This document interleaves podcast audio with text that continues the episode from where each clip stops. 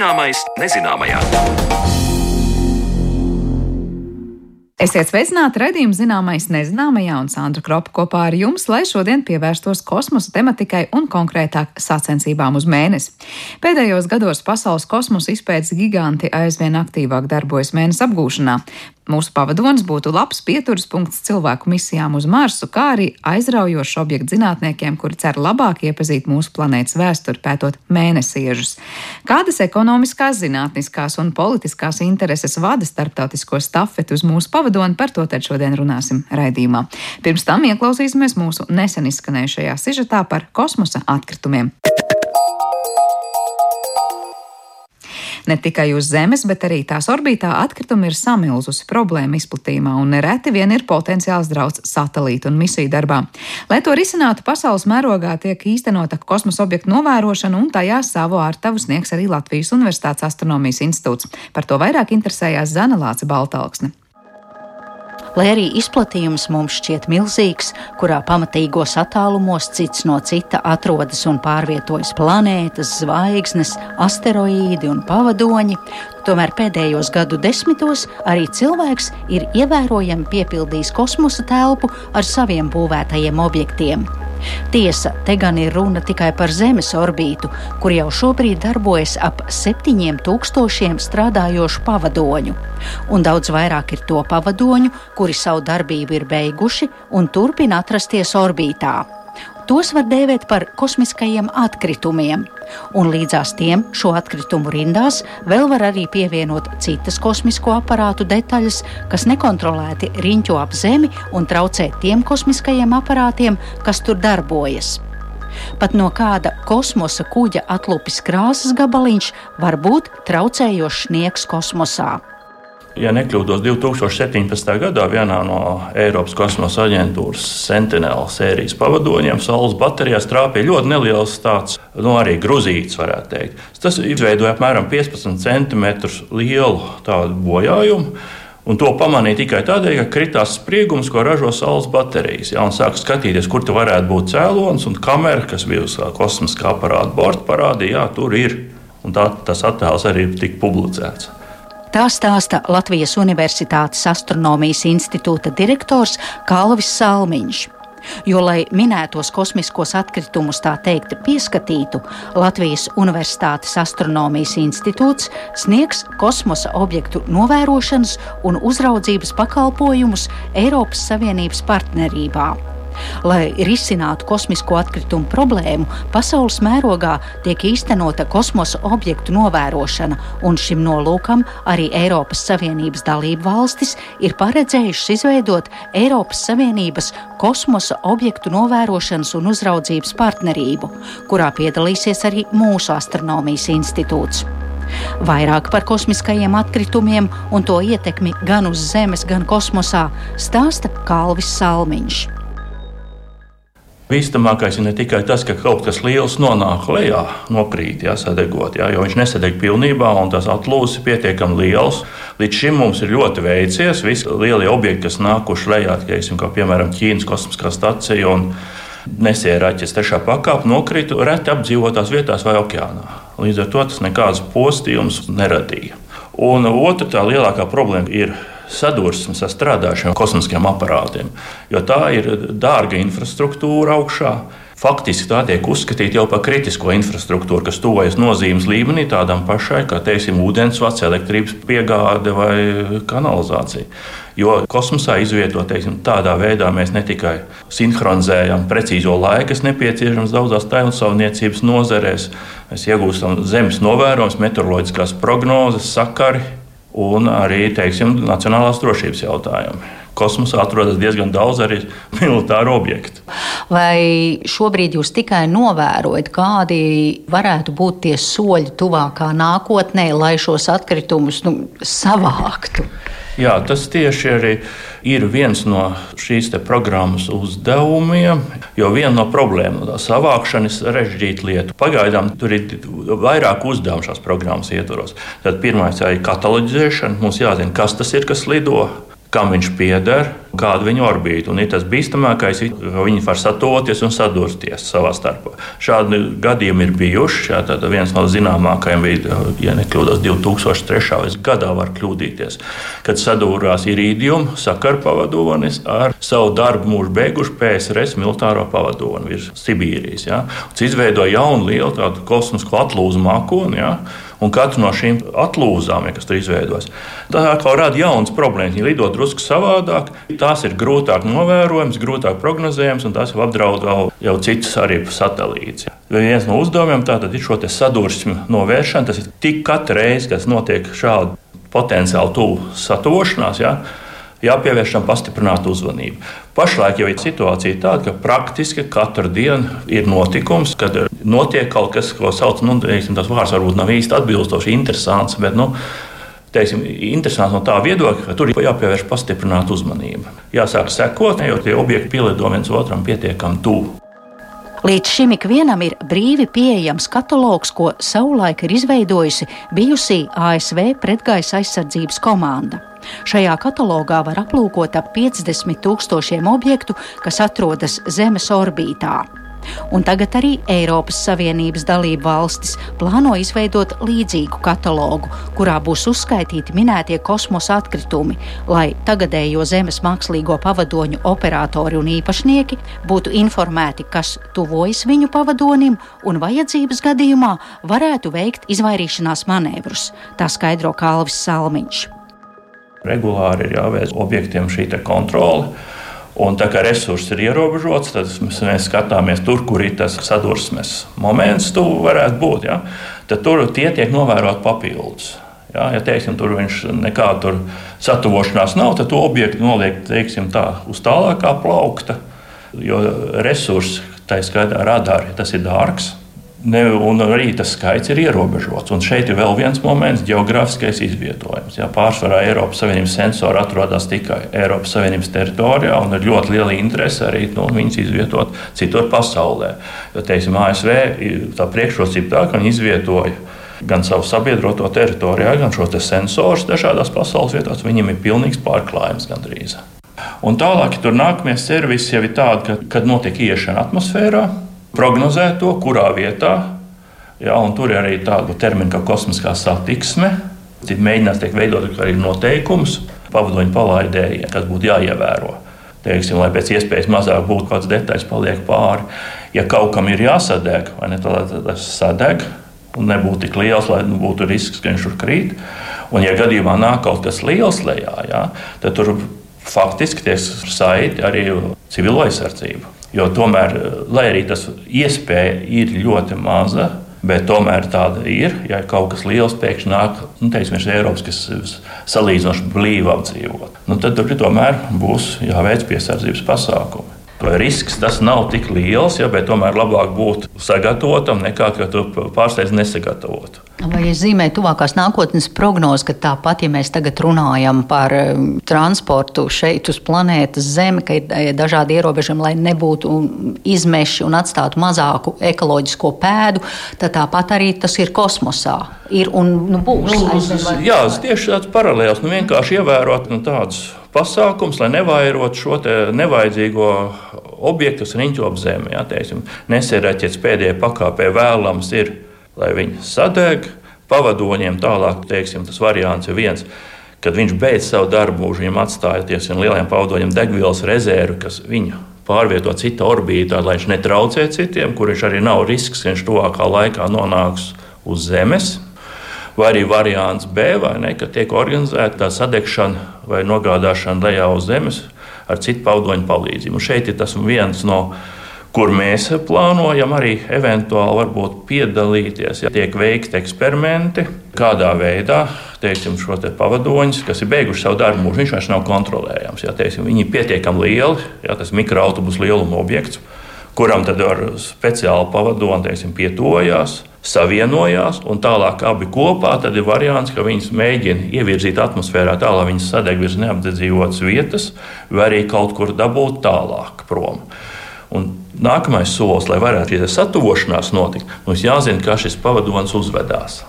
Jo tad, kad pavadonis savu darbu mūžu ir beidzis, līdz ar to viņam vairs kontrols sistēmas nestrādā, sākās tāda kā rotācijas kustība, viņš sāk griezties orbītā.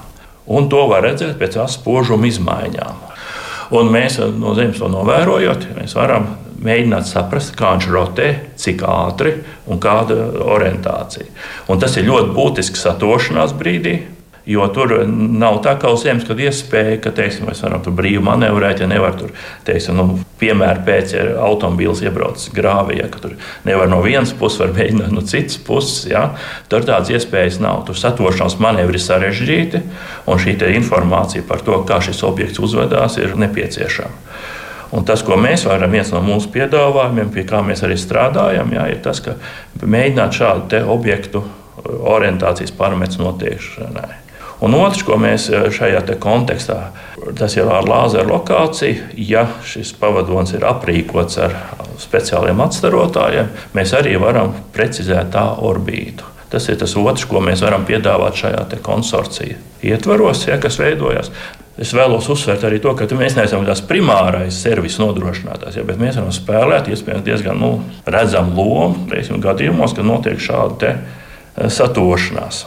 Bet to sadursmi var kontrolēt vai nevar. Viens, es saprotu, var monitorēt, bet tas, viņš jau ir diezgan neatkarīgs. Tas pavadonis, kas ir beidzis to darbu, un viņš tur tā nekontrolēti. Nē, tur, ja teiksim, pavadonis ir strādājošs, ja, tad var vairumā gadījumā ir iespējams nedaudz korrigēt orbītu. Teiksim, kosmiskā stācija, kas ir nu, pats lielākais viens objekts pašlaik orbītā, tā ir regulāri piegādāta no Zemes degviela, un viņi regulāri veic savas orbītas korekcijas. Arī lielākiem pavadoņiem, kā likums, ir nedaudz degvielas, ja, teiksim, porta dzinējiem, kas ļauj viņiem piekoreģēt orbītu, teiksim, Eiropas kosmosa aģentūras sentinela pavadoņiem, laiku pa laikam veids manevru, ja, ka viņi pielabo savu orbītu. Un uh, tas tiek izziņots arī, vai ne? Un tad atkal tie, kas rēķina, vai ne, un viņas novēro, vai veic mērījumus, to ņem vērā. Ja cilvēki tagad klausās, jūs pieminējat arī to atlūzu mākoni, nu cik daudz jau tas atmosfērā ir un ko visas tās sadegšanas, ko tas atstāja kādu iespaidu uz uh, mūsu planētu? Sadegšana, ja kaut kas tiešām liels nenonāk lejā, praktiski nekādu iespaidu neatstāja. Uz Zemes tāpat nepārtraukti krīt mikrometeorīti, meteorīti, ko reizēm tās lielākos mēs saucam par zvaigžņu lietiem. Katru brīdi uz Zemes nāk klāt nedaudz masas, ja, kas nāk no kosmosa. Un pie tam daži no tiem ir ļoti lieli, pat, kas ir salīdzināmi ar lieliem sprādzieniem. Ja tas nav kā visu laiku mazi objekti no kosmosa. Nāk. Šeit eh, es runāju par dabīgiem objektiem, nevis pavadoņiem. Un tādi ir daudzi. Mums ir veicās tikai to, ka Zeme patiesībā lielākā daļa ir neapdzīvot. Ir okeāni vai ne, arī sauszemes teritorijas. Ne visas ir vienlīdz blīvi apdzīvotas, un mēs to vienkārši neredzam. Bet tādu notikumu ir diezgan daudz. Latvijas Universitātes rīcībā ir satelītu lāzeru lokācijas teleskops un aparatūra, kā arī ilgadīgi uzkrāta pieredze, kas ļauj sekmīgi piedalīties kosmosa objektu novērošanā. Un līdz ar to tagad arī Latvijas Universitātes astronomijas institūta darbinieki sekos līdzi kosmiskajiem atkritumiem, paredzēs to orbītas un tādējādi varēs novērst sadursmes ar tiem.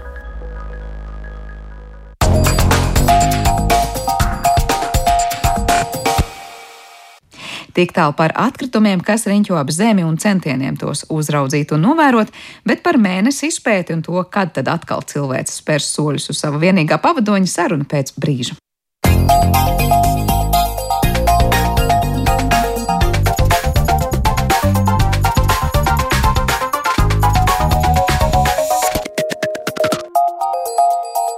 Zināmais nezināmajā. Nesen raidījumā runājām par misijām uz Marsu un secinājām, ka cilvēku soļi uz sarkanās planētas vēl ir krietni tālu nākotne, taču mūsu planētai vistuvākais objekts visumā ir mēnesis, Zemes pavadonis, uz kuru jau reiz cilvēks ir spērus savus soļus. Kāda šobrīd ir interese par un ap mēnesi, vai un kad cilvēki dosies misijā uz mūsu pavadoni, un kādas ir zinātniskās un ekonomiskās intereses par to, tad šodien vairāk, vairāk runāšu ar mūsu studijas viesiem. Sveic studijā IT speciālists un astronomijas entuziasts Inta Češāna un arī Raita Mīsa. Labdien! Sveiki! Labdien! Uh, Raiti, mēs ar tevi tikāmies nu, jau pirms kāda neilga laika Jā. šajā pašā raidījumā runājot par Marsu, un tad tu teici, bet ir jāparunā par, par misiju, kas tūdaļ, tūdaļ dosies uz mēnesi, un tas būs tas pirmais solis ceļā uz Marsu. Šobrīd par mēnesi runājam. Kā tu teiktu, nu, kas ir tās aktuālākās lietas un misijas, par kurām ir jārunā, cik tuvu mēs esam, lai nokļūtu uz to mēnesi? Nu, protams, aktuālākā ir Artemīda, par ko jau, es domāju, visi interesanti sen jau ir noilgojušies, ka tas starts beidzot būs, bet tagad raķete ved apakaļ uz Angāru, jo nāk orkāns, nu, līdz ar to vēl būs jāpagaida. Bet, protams, tas ir aktuālākais šobrīd. Citas aktivitātes arī tur kāds kaut ko plāno, bet tās nav ne tūlīt tik reāls kā tieši šī NASA iniciatīva. Bet cik ļoti tas eh, Artemīdas starts tiek atlikts un atlikts un atlikts, mēs varam teikt, ka nu, mēs tiešām tuvākajā nākotnē sagaidīsim, ka, ka tas notiks, vai tavuprāt, tur ir vēl jā, jā, kas tas zin, notiks šogad visdrīzāk, un visdrīzāk kaut kad nāk, kādā no nākamajiem starta logiem, ja laikapstākļi to ļaus, protams. Jāatcerās, ka pirmo šādu startu arī atlika, ja es pareizi atceros, sešas vai septiņas reizes, un neviens par to ļoti neraudāja. Visi bija priecīgi, ka viņš startē un neuzsprāga pēc tam. Līdz ar to šī drošība ir. Nu, pirmajā vietā, jebkurā gadījumā. Varbūt var īsi atgādināt, kas ir tas, ko Artemīdas misija grib parādīt, grib pārbaudīt, grib pierādīt. Pārbaudīt visu aparatūru, kas nepieciešama nākamajam startam, kur būs jau cilvēki, kas aplidos mēnesi. Nolaišanās vēl nenotiks, bet šī misija būs pa īstam, tikai bez cilvēkiem. Nu, tā varētu teikt. Viņa grib ko piebilst par to, kādas ir šī brīža aktualitātes ceļā uz mēnesi nu, kur sākt, kur beigt. Es pat nezinu, Jā, protams, šī, šī Artemīda viens ir, ir vistuvākā misija, kur jau varēja notikt. Taisnības labad jāsaka, ka pirmais starts viņai bija paredzēts 2016. gadā. Un kopš tā laika šis starts ir mainīts reizes 15. Bet nu, šobrīd mēs tiešām izstāstām, ka esam finiša taisnē un, un, un, un nu, visticamākais jau nākamā mēnesī viņš tomēr notiks. Uh, Protams, galvenās lietas, ko mēs tur pārbaudām, ir jaunais SLS nesējs, kas startēs pirmo reizi. Otrām kārtām Oriona kuģis, kurš pirmo reizi jau lidoja 2017. gadā, bet, nu, protams, daudz, daudz kas ir noticis kopš tā laika. Un uh, tad ir mazākas lietas, kas tur lido līdzi, piemēram, tur uh, komandiera krēslā sēdēs manekens, pilns ar sensoriem, ja kurš mērīs, ko vien var nomērīt, kā tur cilvēki varētu justies. Būs vēl divi citi manekeni eh, ar, ar, ar sensoriem, kur eh, tiek akcents likts uz radiācijas mērījumiem, un vienam būs savukārt mugurā vestīte, kurai vajadzētu cik necik pasargāt, un tad mēģinās saprast, kas vairāk, kas mazāk. Eh, kopā ar Orionu kuģi mēnesi virzienā dosies arī desmit nanosatelīti, kuri nav Artemis programmas sastāvdaļa, bet kuriem ir interese tikt tālāk pa Zemes orbītu, vai pētīt pašu mēnesi, vai varbūt kaut ko citu. Uh, vai vienkārši tehnoloģijas. Eh, dažādi viņi tur ir, bet nu, viņi izmantos, uzsēdīsies uz astītes, nesējami, lai parāda līdz mēnesim. Un tur arī paliks. Jā, jā nu, kāds paliek mēnesis orbītā, ir kas ieiet uh, heliocentriskās orbītās, bet nu, tāpat paliek uh, mēnesis tūmā. Ja mēs runājam šobrīd, nu atkal liekas tādā mm, vēsturiskā perspektīvā skatoties, kas nu notika pagājušā gadsimta 60. gados Apollo misijas uz mēnesi, uh, protams, ka visi atcerās šo soli, kad cilvēks spēra to savu soli uz mēnesi, kad mēs šobrīd, šajā gadsimtā, gaidām, kad reāli cilvēks tur atkal to savu soli spērs. Kā tas notiks? Nu, Inns, sākšu ar tevi, pēc tam raiti, kā jūs gribat sadalīt. Arī, arī šis, šis datums atliekās jau kuro reizi. Te mazliet jāpaskatās pagātnē. Mums no sākuma bija Constellation programma, ar kuru mēs plānojam atgriezties uz mēnesi. Tas viņa aizsākās 2004. Laikam, gadā. Vai, jā, 5. Jā. Tad Bušs viņu prezidents uztaisīja, tad Obama viņu nocirta uz tā Artemīdas programmu. Uh, šie datumi mainījušies no, no 2019. gada, kad mums jau vajadzēja izsēsties, kas nu, nav noticis. Uh, ilgu laiku aktuālais datums bija 24. gads. Uh, šobrīd viņš ir pagājušajā gadā pārbiedījis uz 25. gadu. Tomēr tik drīz? Uh, jā, uh, tur ir ļoti, manuprāt, daudz komponentu, kas vēl nav atrisināts līdz galam. Bet viens, par ko mēs zinām, nu, visdrošāk, kas ir lielākā nu, saka, bremze, ja, ir uh, jaunie skafandri priekš astronautiem uz mēnesi virsmas. Izrādās.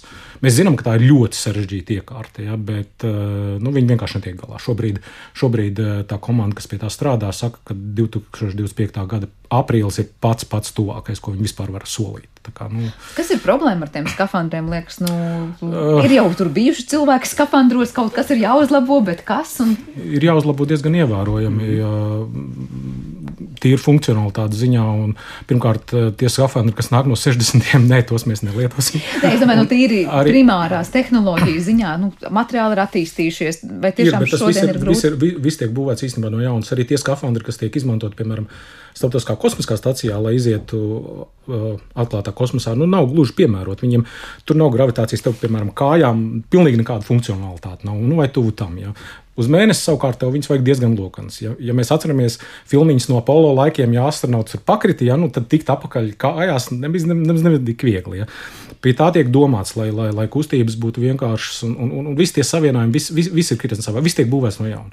Ņemiet vērā, ka tas skafandrs īstenībā ir nu, tāds personālais eh, kosmosa kuģis, ja, kur viss tas kosmosa kuģis tev jādabūna tajā ancukā iekšā un turklāt vēl jābūt ļoti ērti. Ja. Kā, tur, tur ir milzīga mašinērija. Nu jā, to, ka tur izaicinājumu netrūks, tas ir pavisam noteikti, bet tajā pašā laikā liekas, cik bieži mēs šeit uz Zemes runājam par dažādiem gudrajiem audumiem, ar iestrādātiem daudz ko. Nu, proti, ka liekas, nu, taču tie risinājumi ir tepat, tepat, vai saliekot kopā, tiešām ir tik grūti to skafandru ar mūsdienu tehnoloģijām radīt? Kas ir tas? Nu, acīm redzot, ir. Acīm redzot, jā, jā. ir. Es... Jāprasa materiāli un, un speciālistiem un inženieriem, bet acīm redzot, ka jā. jā, jā. Tā, tās milzīgās mugursomas uz muguras, viņas ir pilnas ar mašinēriju. Tur ir, tur ir dzēsēšana, sildīšana. Cik vispār smags ir tas skafandrs? Jums ir kaut kādas ziņas vai nojausmas? 20 kg bija polos. Jā, nu, bet, nu, nu daudz, zemes. daudz. Viss 100 kg arī, zemes gravitācija. Arī, arī, arī, arī starptautiskā kosmiskā stācijā viņi, nu, tā, tas ir ļoti smags iekārts, bet nu, gravitācijas nav. Tad ir mazliet vienkāršāk. Izskatās viegli, vai ne? Inerts. bet galīgi nav viegli. Tā, tā ir ļoti kompleksa komponenta. Jā. Mēs varam parakņāties uh, uh, vēsturē, kā krieviem gāja Jonovas laikos, ja, ka nu, dramatiski. Jā, un, Cik gadus vajadzēja, lai otrais sadūšotos kaut ko darīt? Jā, jo īstenībā, protams, mēs tikai domājam, skafandrs, skafandrs, bet tajā brīdī tās ir visa dzīvības un nāves jautājums, kas tur ir. Jā, tā ir visa jā. māja. māja, pasaule. Un, jā, un, un, viss nes līdzi un visam jāstrādā. Jā. Mm. Vai bez tā, ko Inns pieminēja, tu, Raiti, vēl arī piesaukt kaut ko, kas aizkavē to, to nonākšanu jā. uz mēnesi, kas ir tās lietas? Privāto sektoru, protams, SpaceX ar to Starship KLS, kas ir nolaišanās vērķis, kurš jau arī vēl ne tuvu nav gatavs Starship jau nav vēl pat startējis orbītā. Un, un ir jautājums, vai uz 2025. gadu paspēs uztaisīt vai nē. Nu, tas jau nav tik vienkārši. Nu, tur, tur tas var, ir pirmā nolaišanās, ir plānota bez tās nu, mēnesis stācijas, nu, orbitālās. Līdz ar to pat taisno aizlidos ar Torionu, iekāps tajā SpaceX aparātā un laidīsies lejā. Tāds ir plāns. Un, un šī aparāta, ar ko nolaisties, nav. Nu, jāsaka, šobrīd uh, plānos stāv, ka pirmā demo misija, bez, bez astronautiem, protams, kur SpaceX rādīs, kā viņi reāli var nolaisties, pacelties, būs nākamgad. Jā, kā, nu, Varbūt mūsu pārsteigumu gaida, liekas, ka nav, nav un pēkšņi nu, ir. Man arī tā, tā liekas, ka aizdomīgi tas ir. Aizdomīgi tuvu, jā, bet, bet tie datumi joprojām ir aktuāli un neviens viņus atcēlis nav. Jā. Bet, nu, droši vien jau, var atcelt pēdējā brīdī, vai ne? Pārcelt uz priekšu vienkārši. Tas jau notiek visu laiku. tā kā, nu, izklausās, ka, protams, ka to pirmo cilvēku soli atkal atjaunotajā versijā uz mēnesi mēs redzēsim vēlāk nekā plānotajā gadā, bet kas zina, kā saka, skatīsimies, kā nu tās lietas attīstīsies. Uh, Kā šobrīd tiek plānots, nu, labi, uz cik ilgu laiku tur dotos tie astronauti, kā viņi tur dzīvotu, jāsaka, jau tiešām uz kaut kādu brīdi. Um, Reiz tikko nedaudz piesauc to, ka labi būtu tas nolaižamais aparāts, ar kur tur nolaistos, bet es saprotu, viss tā dzīvošana notika tāpat tajā, tajā stacijā. Ja? Nē, nebūtu. Nē, nē. Kā, kā, tas arī tajā, ar ko viņi nolaidīsies, tā Starship, tur viņi arī dzīvos, un no turienes arī viņi ies ārā un veiks nu, izpētes darbības, kas jau nu, tur viņam būs programmā paredzēts. Un, ja tas būs tas starship, tad viņiem, protams, būs tie sākotnējie nasas iestatījumi tur pārsniegti būtiski, jo viņiem prasība bija, kad nolaižamam aparātam tā derīgā krāva, ko nolaist lejā, bija paredzēts tikai 2 tonnas, tad stāšķipam tās ir 100 tonnas. Nu, tā starpība ir liela, kā, bet uh, kā tas viss īstenosies, to mēs redzēsim, kas, kā tas viss tur notiks. Bet, kad tik tālu tiks. Bet kāda ir plānota tā viņa ikdiena un dzīve tur uz mēnesi? Pirmajās misijās tas tiešām būs tā, ka būs šis lielais nolaižamais aparāts. Pat cik viņš var nolaist ļoti daudz masas, tad attiecīgi ir daudz resursu līdzi. Mums ir, mēs varam gan ilgāk uzturēties, gan, gan vairāk iziet uz mēnesi virsmas, un tas viss ir baigi labi. Tik vai tā, pirmās, pirmā misija plānota desmit dienas, kas nozīmē uz mēnesi mēs tur esam ļoti īsu brīdi. Uh, Nākamās ir apmēram mēnesi garas, kas nozīmē, ka uz mēnesi mēs dzīvojam 3-4 nedēļas. un pamazām, pamazām viņas, viņas paliek garākas. Ilgu laiku bija plānots, ka 28. gads būs tas, kurā būs pastāvīga apmetne, respektīvi līdzīgi kā kosmosa stacijā vai kaut kādā tur Antarktīdas stacijā. Jā, kad uh, ekspedīcijas visu laiku mainās, bet šī stacija visu laiku ir ap, apdzīvota. Ja? Restīvi, cilvēki pastāvīgi atradīsies uz mēnesi. Nu, šobrīd, manuprāt, tas neizskatās diezgan reāli. Mēs vairāk domājam par 30 gadiem, 30 sākumu, kad tas var būt. Un tad šīs misijas ir paredzētas pusgadu garumā. Tad patiesībā ļoti līdzīgi kā starptautiskajā kosmosa stācijā, astronauti dodas uz pusgadu, Jā. dzīvo, brauc mājās. Nu, ta, tas, tas ir tāds, tāds uh, vidējā termiņā mērķis.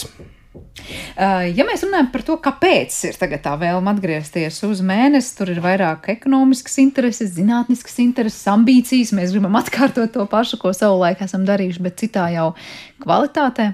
Nu, no visas pat, pat, pat druskai droši vien varētu tā teikt. Ir arī kaut kāda mazliet sacīksta ar ķīniešiem, kas, protams, šobrīd ļoti nopietni izskatās, bet viņiem plāni ir, un gan jau arī viņas īstenos. Un arī ir, protams, tas, ka mēs beidzot esam saņēmušies tik tālu, ka mēs atkal to varam. Nu, vienkārši tehniski, jo nebija jau tādas iespējas faktiski nevienai valstī līdz šim. Vienmēr jau teicu, tehniski viss ir iespējams, nav politiskās gribas. Tieši, nu, tā, tā, tā īstenībā ir, bet šī gadījumā tur nav politiskās sacensības. Nu, vai nu nemaz, ja, vai, vai bišķi, ļoti, ļoti maz. Ir, jā. bet, nu, ļoti maz, jā. Cik tālu tas attiecas uz NASU, tur pārsvarā ir uh, zinātniska interesētība, bet viens no šīs programmas mērķiem ir apzināti izzināt gan zinātniski, gan nu, no dabas zinātņu viedokļa, gan no inženieru zinātņu viedokļa, kā mēs tur nokļūstam. Un tad šīs zināšanas jau var izmantot privātās kompānijas, kas to var izmantot nu, vienalga kādiem mērķiem, vai viņas tur kaut ko roku laukā, vai viņus tur vada turists, vai, vai pēta savu zinātni. Tas ir, tas ir nākamais. Bet nu, sagatavot to augsni, apgūt, apgūt šo lietu, lai to varētu izmantot. Jā, par to, ko Raits gribēja. Jā, es tikai gribēju piebilst no iepriekšējās sarunas, ko mēs runājam, kad pie viena tas ir arī placdarms, kur izmēģināt tās tehnoloģijas, ko vajadzēs, nu, lai apgūtu Marsu pēc tam. Nu, kad, kaut kad. Bet tā ir tāda nu, tā pievienotā vērtība, vai tas ir diezgan pamatīgs, tas motivējošais faktors šobrīd? Kas... Gan jau ka viens no mērķiem gal galā arī tāds ir. Jā. Ja par to runājam, ko tur var izrakt derīgiem izraktaņiem, vai tā ir tiesa, saprot, ka Ķīna ir paziņojusi, ka atradusi minerālu, kas būtu izmantojams enerģijas ražošanā, cik ļoti lielā mērā tas ir taisnība vai tas ir motivējošais faktors. tas, tas ir pazudis tulkojumā. Jā. Tas ir tas, ko pārpublicēja dzeltenā presē, ja nesaprotot, par ko viņi runā. Uh, vienkārši vienā, o, pašā sākumā vienā rakstā bija uh, gan saturs par to, ka viņi ir atraduši jaunu kristālu kaut ko tādu, kas nav līdz šim redzēts. Gan par to, ka tur varētu iegūt, piemēram, Helija 3, nākotnes kodola sintēzes reaktoriem. Tas vienkārši bija vienā rakstā, lai gan šiem diviem faktiem eh, nav pilnīgi nekāda īsta sakara. Eh, kristāla gadījumā jāsaprot pareizi. Mēs runājam par puteklīšu izmēru kristālu, kur tā nebruņot acis pat neieraudzīs. Nu, savukārt tas Helijas 3 ir, ir, ir sen zināma lieta, vai tas būs tā vērts, grūti pateikt. Uh, Ir visādi par un pret, ja, nu, bet, godīgi sakot, priekš izrakteņiem mēnesis nav nemaz tik simpātisks. Kāpēc? Viņš ir liels un smags, un mums vajag ja, lai, lai no Zemes izlaustos laukā, lai nokļūtu uh, orbītā, mums vajag 7,9 km/h. Pretējā gadījumā mēs veļamies atpakaļ. Uz mēnesi mazāk, bet tik un tā 2,4 km/h. Lai ko mēs tur paceltu, lai ko mēs tur būtu izrakuši, tagad gribam nogādāt uz Zemes. Mums viņas ir jāieskrien līdz šiem kilometriem sekundē. Vai mēs tos darām ar, ar ķīmiskiem dzinējiem vai kaut kādām magnētiskajām sliedēm, atmosfēras nav, varētu domāt. Tas nav vienkārši. Tad, proti, šobrīd tas neatmaksājas. Ko var atvest no mēneša, tā atkļūšana atpakaļ ir pārāk uh, dārga. Tā, grūti pateikt, cik viņa dārga būs pēc 10, vai 20 vai 30 gadiem. Ja? Un, un, un ko tik mēs tur varbūt atradīsim vai neatradīsim, tas ir atklāts jautājums. Bet, eh, ja runā par resursu iegūšanu, tad asteroīdi ir daudz pievilcīgāki. Un tīri tehniski no asteroīdiem dabūt kaut ko ir arī daudz vienkāršāk, lai gan liekas, nu, nu viņu visu var paņemt dažos gadījumos. dažos gadījumos, jā, var visu paņemt. Kaut kur, protams, ir ērtāk, ja tev ir gravitācija kā uz mēnesi, lai kāda viņa tur būtu. Nu, 16 no, no tā, kas ir uz Zemes kaut kur. Kaut kur atkal gluži otrādi, tev ir ērtāk pietāvoties pie tā asteroīda. Un, un tur tu esi tā kā. Tad es saprotu, šobrīd mēnesis kontekstā ar izrakteņiem tur nav nekāda ekonomiskā izmantošana uz vietas. Jā, tieši tā. Arī, lai tiktu prom ūdeni, kā, nu, iz, no kā ražot dzinējumu degvielu, iespējams, visdrīzāk. Nu, Nu, ūdens, meik būtu- jā, ūdens ir tā kā svētais grāls, jebkurā gadījumā. Mums ir jābūt, jā. Vajag gan tiem astronautiem tur uz vietas, jā, vienalga, vai viņi dzer vai mazgājās, viņu vajag degvielai, viņu vajag Mhm. elpošanai, skābeklī un nu, visos veidos. Tas pats attiecas ne tikai uz mēnesi, arī citur kosmosā. Ja mēs kaut kur dodamies, kaut kur apmetamies, nu, tran, uh, uh, ņemt līdzi to ūdeni, ja būs uh, un degvielu, tas ir ļoti, ļoti dārgi. Mums viņi ir jāiegūst uz vietas. Vienalga vai mēnesis, vai mars, vai, vai, vai tālāk. Mēnesis gadījumā, kāda ir tā iegūšanas nezinu, scenārijs, vai kā tur mēs varētu teikt, nu, nodrošinās visas savas vajadzības tur esošie astronauti, vienalga vai dzert vai degvielai vai kam citam. Nu, Pie tā tiek strādāts, un tas tiek pētīts. Ir eksperimenti, kā iegūt uh, skābekli, kā iegūt ūdeņradu no šī mēnesi regulīta. Tāpat tās ir intensīvi meklējumi atrast mazliet, nu, ja ne tīrā, tad tīrākā veidā uh, ledus noguls. Tāpēc mēs, mums nav apstiprināts koordināts, kur viņi nolaidīsies šī te pirmā ekspedīcija, vai nākamās, vai kur būs bāze. Bet pilnīgi noteikti tas būs mēnesis dienvidu pola reģionā. Nu, pētīsim, kur tieši. Jā, un turklāt ir arī paredzēts robotizētas misijas, kas arī būs ar līdzīgu mērķi, arī meklēt, kur tas ūdens tur ir, vai ir vai nav, un ja ir, tad kādu, kādā daudzumā. Nu, viens no Artemis, viens šiem nanosatelītiem Jā, jā, tieši ar to arī nodarbosies. tā skaitā. Bet, bet ir uh, privātie un NASA, kas plāno robotizētas misijas uz Marsu. Jo, jo, ja, ja Artemis Mēnesis. U- Mēnesis. Mē- Mēnesis, jā, vasarās. Jo, ja, ja pa piltajām misijām mēs viņus uz pirkstiem varam saskaitīt, tad šīs te, uh, nu, automātiskās misijas ir kādas 40 apmēram šobrīd, kas plānots, kas varbūt piedāvāts, bet viņas ir ļoti daudz. Un, uh, ir uh, citi privātie nolaižamie aparāti, kas, kas nenolaidīs uh, astronautus uz mēnesi, kā tas ir uh, SpaceX gadījumā, bet kas vienkārši nogādās kaut kādus eksperimentus vai, Visur vai, vai, vai, vai, vai kravu kaut kādu. Uh, Piedāvājumu tur bija kādi 11. Es zinu, ka 4 vai 5 ir dabūjuši kontrakts ar NASA, un divi aparāti vēl šogad plāno Jā, nolaisties. Šogad būs starti, un, uh, un interesanti arī tas, ka NASA ir tagad paredzējusi arī to nolaišanos, neusticēt vienam SpaceX, bet visdrīzāk, ka nākotnē kaut kad uh, to risku sadalīt, bet tas ir tāds plāns vairāk. Tur, tur, tur par to ir, ir atsevišķa tēma, kā, Jā. kā pagājušajā gadā gāja tiesu darbi ar Blue Origin, kas bija tiešais SpaceX kontraktors, eh, konkurence, jā, un, un, un, un zaudēja. Un, un, nu, mazliet nesmuki tur viss tas sanāca, bet eh, tas piedāvājums, ar kuru SpaceX atnāca, ka viņš piedāvā pēkšņi pi- 50, 100 reizes lielākus mm -hmm. resursus nogādāt uz mēnesi par lētāku cenu nekā konkurenti. Ja? Nu, tur īstenībā neviens konkurents viņam šobrīd nav. Bet uh, NASA var saprast, ja, ka nu, salikt visus solis vienā groziņā, nu, tā, tā nedara parasti. Ja? Es nezinu, vai jūs uh, esat par to informēti, bet cik izmaksā šobrīd, piemēram, tāda, nezinu, kravas vai astronauta nogādāšana, kad tu tikko teici, tas ir cik reizes lētāk vai kā? Uh, ir sekojoši. Šis te SLS nesēja starts. Kravu nogādās arī ar citiem, bet lielais maksā 2 miljardus. Viens starts. Viens, Viens starts. starts. Jā. Uh, kopā ar vispārējo, ko šiem astronautiem vajadzēs uz mēnesi, šobrīd uh, tiek lēsts mazliet pār 4 miljardi. Viena misija uz mēnesi. Nu, viņiem, ja paskatās gada budžets, virs 2 miljardi katru gadu ir tikai mēnesim nolikts. Ja, uh, tas īstenībā ir daudz, daudz lētāk nekā polo. Ja, Jā, savulaik tas bija kaut kādi 25 miljardi vai kas, bet šobrīd tās naudiņas, mūsu, mūsu naudiņās ir kaut kādi es nezinu, 100, 100, 130, 150. Ja. ir maz. Jā. Katra mm. no tāda viedokļa Apollo misija izmaksāja kaut kādu 20, 30 miljardu vienu Ah. misija. 20. Mūsu šodienas. Ievērojami procenti no Jā, valsts koprodukta. Es tieši gribēju vaicāt, jo to, to laiku taču arī bija cilvēki jau vienā brīdī neapmierinātība ar to, cik ļoti daudz naudas aiziet tam, vai šobrīd arī tas būtu neadekvāti daudz. Nu, tas, nav, tas nav šodienas jautājums, respektīvi, tas, tas tā notiek jau pēdējos te 50 gadus. Bet, eh, 60. gados Apollo programmas laikā NASA bija budžets līdz apmēram 5% no ASV federālā budžeta. Ja. Kopš Apollo laikiem tie ir apmēram 0,15%. Mēs stāvamies priekšā, ka tas ir teiksim, 50 reizes mazāk. Nu, Lai, kādās, lai kādas tā inflācija ir bijusi visos laikos. Ja. Un šobrīd nekas īpaši daudz vairāk jau arī nav. Ja. Nu, stādamies, ko varēja. Bet patiesībā ar daudz mazāku naudu šobrīd Jā. tiek realizētas daudz sarežģītākas misijas. tieši tā. Jā.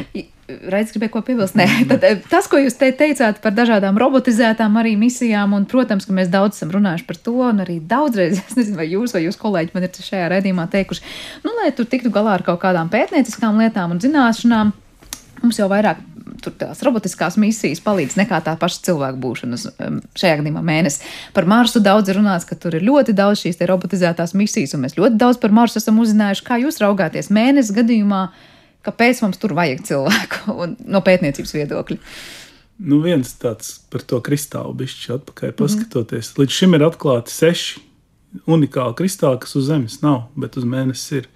Ja tur aizbrauktu viens geologs, es domāju, viņš nedēļas laikā atklātu vēl sešus. Nu, tas tā, tāds mans Parasti tīri uz pirkstiem Mhm. vērtējums, bet tas ir tas atbildes šo jautājumu. Es Ka tomēr tā cilvēks, eh, pētnieks uz vietas šobrīd atbilstoši būtu. Kvalifikācijas cilvēks to, to pašu darbu izdarītu nu, simts reizes ātrāk vienkārši. Kāds tev redzējums par robots vai Es cilvēks? domāju, ka uh, robotizētām misijām pilnīgi noteikti ir sava vieta, bet viņas nedarīs visu vēl diezgan ilgi. Nu, mums vēl ir kur stipri attīstīties, lai viņas būtu tik inteliģentas, ja, ka, nu, nezinu, tu, cilvēku smadzeņu līmenī. Tā kā, tā kā cilvēkam vēl kādu laiku būs, būs vieta. Otrs, um, kāpēc mēs vispār kaut kur braucam, apskatīt dabas objektu, skaisto ūdenskritumu vai vēl kaut ko? Nu, Mums patīk, vai ne? tā. Šajā gadījumā, protams, kāds teikt, ja mums ir jāuzzina jaunu kaut ko, nu, protams, arī braukt uz ūdenskritumu un to pētīt klātienē ir ļoti jauki. Varbūt kāds teiks, bet aizlidināt tur kaut kādu Dronu. dronu varbūt ir vienkāršāk un netik bīstami un lētāk. Jautājums ir par to, uz kuriem jautājumiem tad īsti mēs gribam atbildēt attiecībā uz mēnesi izpēti. Nu, ar, tu tikko minēji par tiem kristāliem, jā, tas ir, nu, Nu, Tāds vienkārši piemērs, bet jā. bet, nu, plus mīnus tās jomas, kurās tās zināšanas trūkst un kur tas cilvēks ir ļoti nepieciešams šobrīd. tā, tā mazliet minsnos atbildēt. Nu, viena Kā- lieta droši vien kaut kādas izcelsmes sākuma lietas. Jā, jā redzēt. mēs, mēs runājam par ģenerālām lietām, jā, par to, kā, kā Par- pasaule darbojās. Jā, Jā. par lielo zinātni. Un, un otrs, nu, milzīgais iegūms ir jau kādas tehnoloģijas un procesu lietas, eh, ko mēs lai, šai laikā apgūstam. Jā. Un Kā tas, bija, kā tas bija polo laikos, kad bija tik daudz patentu un tik daudz jaunas lietas. Kaut kas nogrima vēstures, vēsturē, kaut kas palika. Jā, tu vienkārši izgudro kaut ko tāpēc, ka tev vajag konkrētai lietai, un izrādās, ka tas der kaut kam citam arī vēl. Jā, Es tagad iedomājos to skafandru jautājumu, atrisinot, droši vien varētu būt diezgan daudz interesantas lietas, kur uz zemes atrast pielietojumu. Tehnoloģija, kurā, es nezinu, kaut kas ļoti viegls, plāns, kustīgs un tāpat laikā gudrs un, un pašpietiekams tiek radīts. Es, es, es īstenībā uzskatu, ka visdažādākajās jomās mēs, mēs nu, diezgan viegli prātīgi attiecamies pret to, kas tiek izdomāts un ko mēs pēc tam neizmantojam. Es domāju, ka ļoti daudz ko būtu smelties dažādās militārajās tehnoloģijās, jo tas ir kaut kas izdomāts, slepens, un tur arī paliek un pēc tam pazūd. Ļoti žēl. Jā. Nu, Nāzes gadījumā varbūt gluži tā nav, bet joprojām daudz kas pazūd. Kas tur vairāk bija starp citu to, to, to nezinu, attīstību? Tas, kas jau tiek izgudrots militārām vajadzībām, un tad rod pielietojumu arī kosmosā, vai otrādi? Vispirms kaut ko kosmosa vajadzībām, un tad rod pielietojumu militārajā. Baidos atbildēt, jo militāristi viņi ir tik ļoti paši par sevi un slepeni Nu bieži jā, vien, jā, ka tur mēs Bet vienkārši nezinām. atskatoties pagātnē, vai ir zināms, nu, piemēram, arī tajā pašā Apollo misijas laikā, vai kaut kas tur tika Nē, nu- aizgūts drīzāk no militārās sfēras, vai pat- Gan, gan, jā, nu, sāksim to, ka visi kosmiskie nesēji ir nākuši no starptautiskām, No starp, balistiskajām jā, no, no raķetēm. balstiskajām raķetēm. Jā. Nu, Gagārins tieši ar tādu arī aizlidoja, mazliet modificēti. Jā. Nu, amerikāņi arī pirmos, pirmos tur ar atlasiem šāva augšā. Mm. Pēc tam viņi mazliet, nu tā, No, novirzīja No- no, katru savā virzienā, civilo un militāro. Bet, jā. Tā kā, nu, ilgu laiku tās bija ļoti saistītas lietas, vismaz lielajām organizācijām. Tagad, kad privātie nāk iekšā, nu, ar, arī, arī, arī SpaceXam ir militārie kontrakti, ko viņi ar viņiem dara. Jā, nu, Par to mēs šobrīd tik labi nemaz nezinām. Jā. E, Par to privāto un neprivāto sektoru runājot, nu, jūs arī piesaucat NASA un SpaceX un arī dažādas kompānijas. Es saprotu, nu, kāds ir tas procentuālais, ja tā var teikt, sadalījums. Nu, vairāk tā kā mēnesis kontekstā mēs skatāmies, ka to lielāko daļu uz sevi tur iznes privātais sektors vai tomēr tur valsts vai kā. Kas, kas šobrīd vairāk virza to procesu? Tiešā veidā tā ir valsts, bet tiem, tām lietām, ko valsts tur būvē, ā, nu, šīs programmas kontekstā pirmkārt NASA, otrkārt Eiropas kosmosa aģentūra, tad Japānas kosmosa aģentūra un Kanādas kosmosa aģentūra. Nu, viņiem tāpat ir ļoti daudz kontraktoru. Tie- tieši Tas Kā- tas triks, kā- ka kā- nauda nāk no budžeta, bet dara jau tāpat privātie. Nu, vismaz vairumā gadījumā. Protams, ka NASA gadījumā ir ļoti daudz viņiem savu zinātnieku un inženieri, ja, kas to dara, mm -hmm. bet, bet, bet uh, tik un tā ir daudzas mazas daļiņas, ja, kas tiek vilkts iekšā no privātiem. Ja, tā, tāda liela objekta, kad lūk, šis nolaižamies aparāts ir privātais, šis ir privātais, nu, tāda nav nemaz tik daudz. Bet tajos gadījumos, kad uh, privātajiem ir tas nolaižamais aparāts, var teikt, tā privātā kompānija jau no jā. sava, sava budžeta sedz to visu, jā, un patiesībā tas viņiem ir diezgan liela izdevuma šajā Ar brīdī. grantu bieži tas notiek, bet Tieši jā. tā, nu, tie, tie kontrakti, par kuriem uh, NAS maksā lielu naudu. Bet, jebkurā gadījumā, sanāk, ka praktiski visi tā, tā, tie izdevumi tiek sēgti no NASA's puses, un tālāk jau tie privātie vairāk ir tie izpildītāji, Pro- kas saņem ja, to Jā, naudu. programmas kontekstā noteikti tā ir. Jā. Bet šobrīd tās uh, privāto kompāniju ekonomiskās intereses būtu uz mēnesi vairāk saistās ar to, ka mēs izstrādāsim kaut ko, kas pēc tam visai pasaulē būs vajadzīgs, un mums par to maksās, vai kāds ir tas domu gājiens, plus mīnus, kas valda. Tas ir, tas ir viens no programmas mērķiem, bet ja es domāju, ka ja tas privātais tur tic iekšā, tāds SpaceX, viņš ir uzbūvējis šo te aparātu. Viņš viņu varēs izmantot, kā viņš vien to vēlās. Viņš var viņu izmantot programmas ietvaros, viņš to var izmantot savās interesēs. Vest turistus turien, vai, vai, vai daļa no, no šī te aparāta, lai viņš varētu nolaisties, ir, ir tankeri, saucami, nu, degvielas raķetes, ja, kas eh, šis, šis nolaižamais aparāts, viņš, viņš tiek eh, pacelts Zemes orbītā, pēc tam tiek pacelts eh, vēl viens ar, ar, ar degvielas tvērtni, orbītā šī degviela papildināt. To var izmantot visdažādākos veidos. Kā droši vien nākotnē redzēsim Jā, nu, viņi, viņi, viņi, viņi pēc desmit gadiem tur uzbūvēs benzīnu tanku augšā, piedodiet, ja, Jā, kur varēs uztankoties varbūt vis, visdažādākie privātie, kas tur lidos. Kāpēc ne? Piebilstams. Nē, tā, tā arī būs. Inns tikko piesauc par tiem turistiem, eh, cik lielā mērā mēs varam vispār sapņot kaut kad, ka uz mēnesi tiek vēsti turisti un kādas ir tās jūsu, nu, plus mīnus prognozes. Laikam ir grūti teikt prognozes, bet, nu, redzējums, eh, kad ne tikai astronauti gribēs un varēs uz turieni doties. Būs. Jā, aplidojumi būs drīz. Nu, nosēšanās nevar būt jāpagaida mazliet. Kas ir to tavā izpratnē mazliet? Nu, Vai drīz? to NASA izdara. Jā. Es domāju, tā, tikko, tikko ir uh, SpaceX jā. to būs atstrādājis, nekas viņam netraucē to darīt. savu- Jā. savu Protams, tas būs ārprātīgi dārgi, jā, bet pasaulē ir bagāti cilvēki, kas to gribēs izmantot. Bet tajā gadījumā tad runa ir par to, ka ne tikai aplidot, bet arī nosēsties uz mēnesi. Nu, no, no sākuma aplidot, pēc tam nosēsties. Jā. Protams, tas nākamais loģiskais solis. Eh, Droši vien pēc tam atkal varēsim risināt virkni dažādu regulējumu, kas kur kam pieder, nepieder, ko drīkst, nedrīkst, cik lielā mērā tas mēnesis kontekstā ir sakārtots. Šeit ir sekojuši lieta. Pirmkārt, 60. gados bija tāds ārējā kosmosa līgums, tika parakstīts, kur ir parakstījuši nu, te vai visas pasaules valsts, izņemot Latviju un vēl dažas, ā, kas nosaka, ko īsti var, ko nevar, ļoti vispārīgi. Un šobrīd ir ā, saucamā Artemīdas vienošanās, ar, ā, ā, ā, Akko- Jā, akords, jā, jā. Uh, kuru šobrīd vēl nav tik daudz valsts parakstījušas, un kas tā vispārīgos uh, vilcienos apraksta, ko tad drīkst, ko nedrīkst pienākumu. Bet tur ir, tur ir piemēram, ka ar kaut kādiem zinātniskiem datiem ir, ir jādalās, bet kom, komercijai arī atstāt vietu. Tur ir paredzēts, ka Uh, ir, uh, ir jārespektē kaut kādas tur kultūra vēsturiskas vietas vai kaut kādas skaistas vietas, tāpat kā mēs negribam uz zemes kaut, kaut ko iznīcināt. Armstrong pēda ir jārespektē. Jā, ir kultūra vēstures piemineklis Un, mēnesi. un, un, un, piemēram, eh, par, par nelaimēm nokļuvušiem, līdzīgi kā tas ir piemēram starptautiskos ūdeņos, nu kāds kuģis tur kliedz sosu, nu, ja tev ir reāls iespējas palīdzēt, tu palīdzi. Runa iet par standartizētām lietām, lai kaut kādas tur lūkas būtu vai, vai kaut kādi komunikācijas protokoli būtu puslīdz vienot, lai jūs varētu sadarboties. Tādas vispārīgas lietas tur ap- aprakstīts. Es Bet kā domāju- ar tiem datiem sanāk, no vienas puses ar viņiem ir jādalās, Jā. bet tas nozīmē, ka eh, viens, es nezinu, ieguldīs līdzekļus, dosies, ievāks un pēc tam vienkārši visai pasaulē Uh, dos.